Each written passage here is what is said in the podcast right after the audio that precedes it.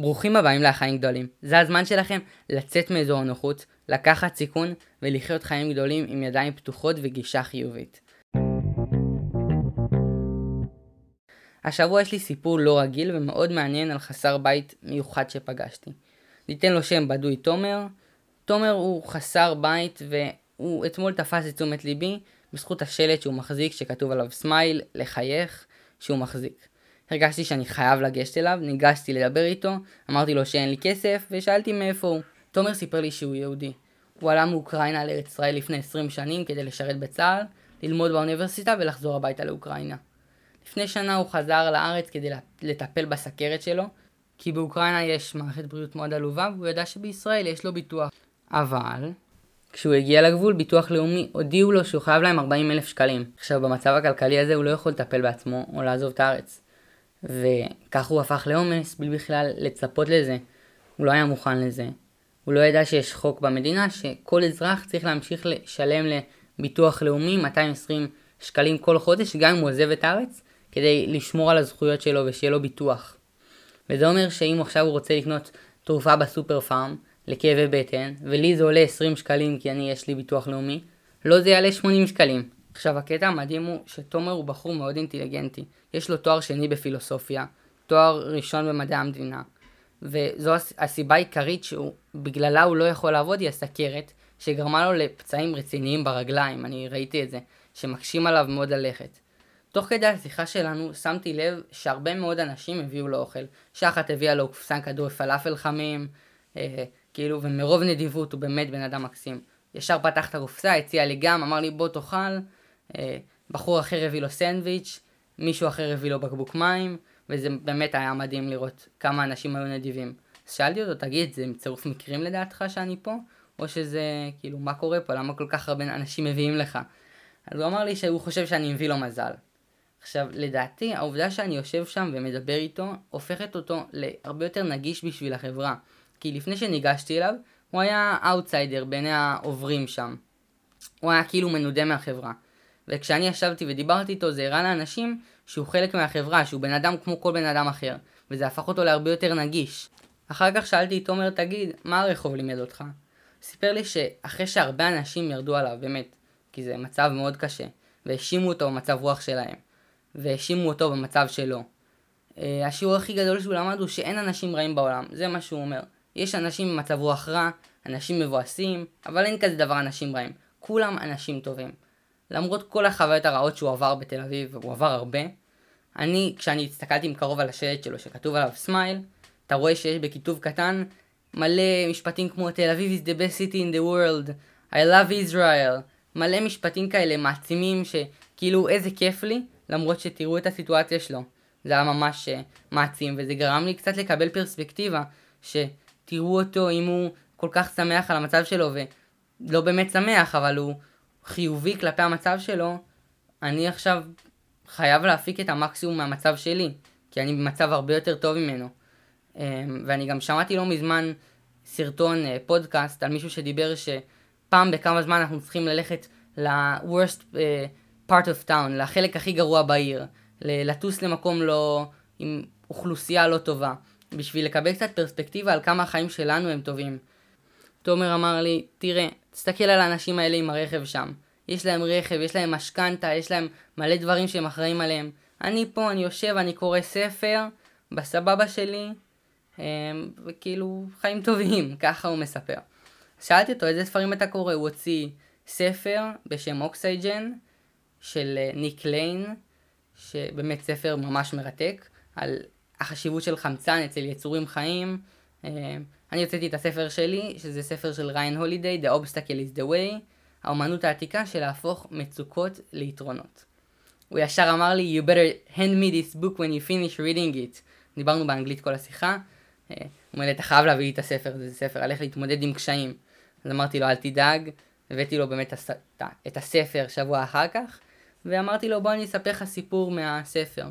סיפרתי לו סיפור של תומאס אדיסון. איך בערך בגיל 60 הייתה שריפה במפעל שלו, שזה היה מפעל חייו, שריפה ענקית, והתקשרו, הודיעו לתומאס, תומאס ישר הגיע למקום, וכשהוא הגיע לשם, הדבר הראשון שהוא עשה, היה, ואז פה תומר קטע אותי, אמר לי, רגע, רגע, אני מכיר את הסיפור הזה, תן לי להשלים אותך. אז הוא אמר, תומר, אה, תומאס התקשר ל, ל, לאשתו, לילדים שלו, אמר להם, תביאו את כל החברים והחברות שלכם, זה הולך להיות השריפה הכי גדולה שאתם הולכים לראות בחיים. זה מדהים, אתם חייבים לבוא לראות. אל תפספסו את זה. עכשיו, זו הייתה הגישה של תומאס אדיסון.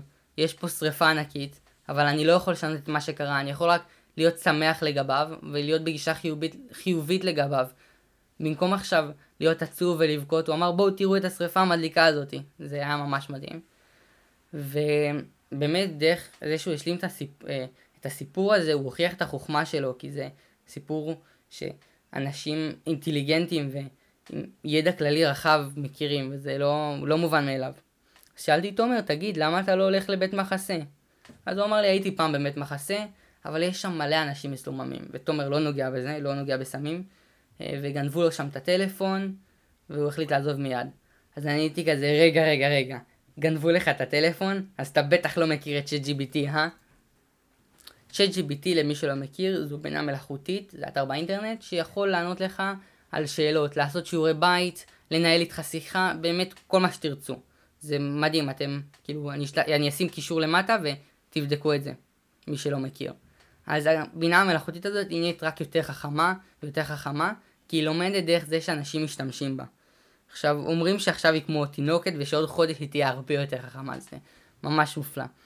לפני שהראיתי לו את זה, תומר אמר לי, תקשיב, אני מכיר דברים כאלה, אבל זה לא מרגיש כמו בן אדם, אין לזה רגשות, ואמרתי לו, חכה, עוד לא ראית דבר כזה. אז פתחתי את הטלפון, ישבתי לידו, ואחד הדברים המדהימים היו שאני בא להתיישב לידו, והוא אומר לי, לא, לא, לא, אל תשב פה על הרצפה המלוכלכת הזאתי.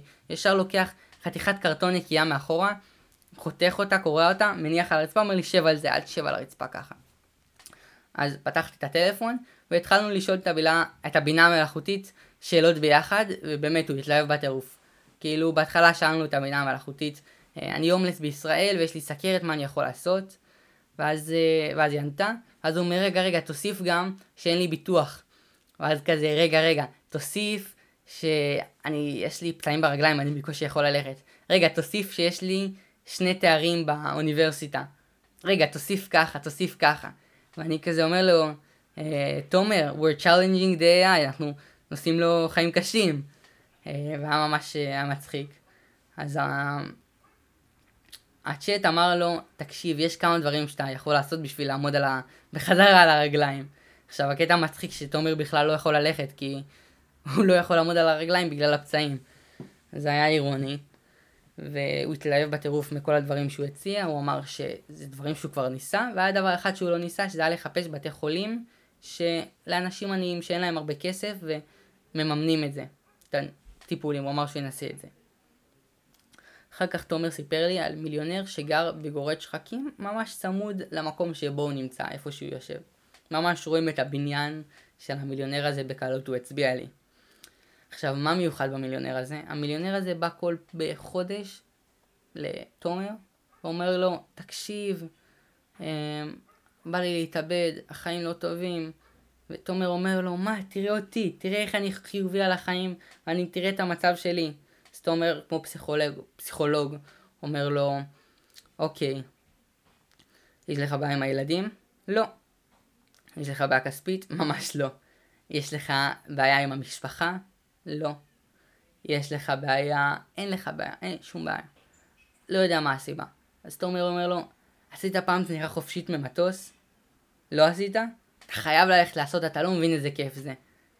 המיליונר הולך, עושה צניחה חופשית, ליטרלי, חוזר לתומר, אומר לו, תקשיב, עשיתי צניחה חופשית, זה הדבר הכי טוב שיש, אתה לא מאמין. תומר אומר בטח שאני יודע, עשיתי את זה באוקראינה, זה כזה כיף. המיליונר חוזר מבסוט על החיים, לא רוצה להתאבד בכלל. אז אחרי חודש הוא חוזר ואומר לו שוב פעם, תקשיב, אני... בא לי למות, אני לא אוהב את החיים. אז תומר אומר לו, תעשה את זה, זה מדהים. אז המיליונר הולך עושה, מבסוט על החיים, ואז חוזר ככה כמה פעמים. ואחרי זה, תוך כדי שאנחנו מדברים על זה, הגיע בחור עם משאית גדולה. מצד השני של הרחוב, על המשאית היה כתוב אה, משפטים מעצימים, משפטים של אה, תתנהג יפה לזולת, משפטים של אני אוהב את אלוהים, אה, כל מיני משפטים כאלה. והבחור בא אל תומר, אומר לו, מחייך אל תומר, לפי השלט שכתוב סמייל, הוא אומר לו, אני קראתי מה כתוב על השלט שלך, עכשיו תקרא מה כתוב על המשאית שלי. אז הוא קורא את המשפטים האלה של ברוך אתה אדוני, ואז הם מתחילים לדבר, והבחור אומר לו, תראה, אני רואה שיש לך פצעים, אתה רוצה לטפל בזה? כן, מעולה. תראה מה אתה צריך לעשות. תלך לים, תטבול במים הקרים, תעשה כמו אמבטיית קרח. מי שלא יודע, אמבטיית קרח היא בעצם טובלים באמבטיה עם קרח, וזה משפר את הזרימת דם, וככה זה מפחית נפיחויות בגוף, דלק, אה, דלקתיות וכאבים בגוף. אז הוא אומר לו, לך לים, תטבול במים, תעשה שלוש טבילות בים. אתה צריך להיכנס ערום לגמרי, אחר, אחרת זה לא יעבוד. תעשה את זה בלילה, שאין אנשים שלא רואים אותך. ואז uh, תומר אומר לו, החסר בית, כן, אתה בטוח, נראה לי קצת uh, סיכון. הוא אומר לו, זה, אתה, רוצה, אתה רוצה לטפל בזה? אתה חייב לעשות את זה. אז הוא אומר לו, תלך באמצע הלילה, יש לך שקית, יש לך מגבת? כן.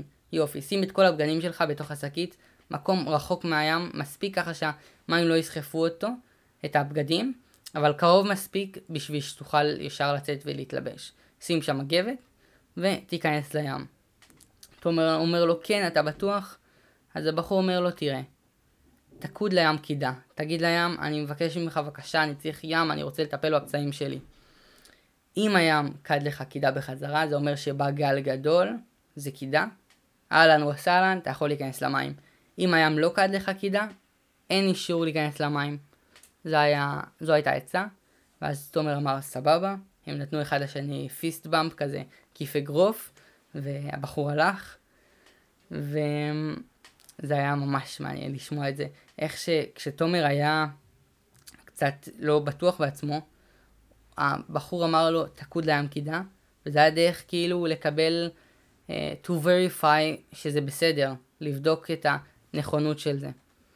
עכשיו, תומר אמר לי תוך כדי, אל תיגע אף פעם בסמים, בסיגריות בחיים. Um, וזה היה ממש חזק, כי זה לא כמו לשמוע מאבא שלי שאומר לי, אל תיגע בסמים, בסיגריות. זה לשמוע ממישהו שהגיע למצב הכי גרוע, ואומר לי, אל תעשה את זה.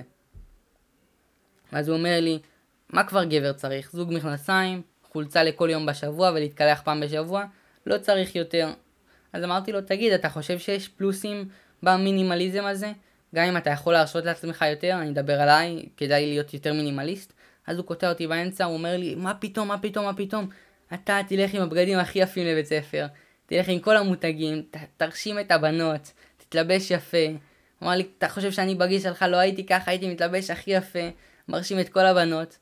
וזה היה כזה חמוד מצדו, שהוא אומר לי, תבוא, תתלבש הכי יפה, אתה צעיר. וזה היה ממש אה, כאילו חבר שלי, באמת חבר שלי. סיפר לי ש...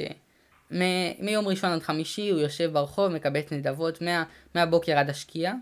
בלילה הוא ישן ב- בחניון תת-קרקעי. בימי שישי הוא הולך אה, להוסטל, עולה לו 220 שקל, הוא ישן שם, שקלים, הוא ישן שם, מתקלח ועושה כביסה.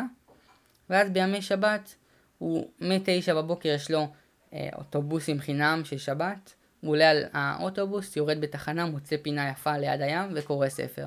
הוא אמר לי, אין תחנה של האוטובוס הזה שלא, שלא ירדתי בה.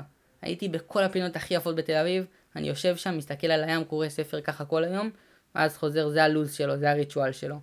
זה היה מאוד, אה, מאוד מעניין.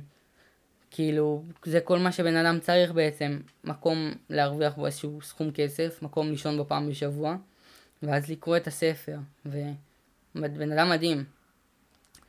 אמ, בשבועיים האחרונים לא ראיתי את תומר הרבה, הוא עבר ניתוח ואני מקווה לראות אותו בקרוב.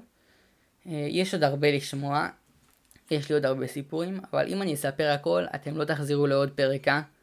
טוב, אז לא סתם סיפרתי את הסיפור הזה, אה, מה שניסיתי להעביר זה זה שזה כל כך כיף להכיר אנשים זרים, זה באמת, זה הרפתקה, זה לא רגיל, זה כיפי, זה מעניין להכיר מישהו חדש.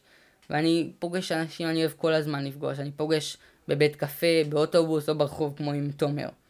פשוט תגיבו על משהו שקורה, או אפילו מה שלומך, מזג אוויר, איזה מזג אוויר הזויה, או איזה שיר אתה שומע באוזניות את שומעת, איזה ספר אתה קורא. עכשיו כן זה קשה בהתחלה, אבל זה שווה את זה לגמרי. אני אישית הפעם הראשונה שהתחלתי עם מישהי, התחלתי עם מישהי, אה, הלכתי, הייתי עם חבר שלי יותר גדול ממני בים, הוא אמר לי, הוא דחף אותי נורא, הוא היה באמת, היה לו מלא אומץ, הוא אמר לי, תתחיל איתה וזה, אמרתי, יאללה. הלכתי לכיוונה 40 מטרים, על החול אני מסתכל על הרצפה, מובך כזה, מגיע אליה, מסתכל עליה, אני אומר לה, היי, מה, מה השם שלך? והיא כזה, מה? לא הבנתי. ואז אני כזה, אה, אה, אה, טוב, טוב, ביי. ואז אני מסתובב במקום והולך.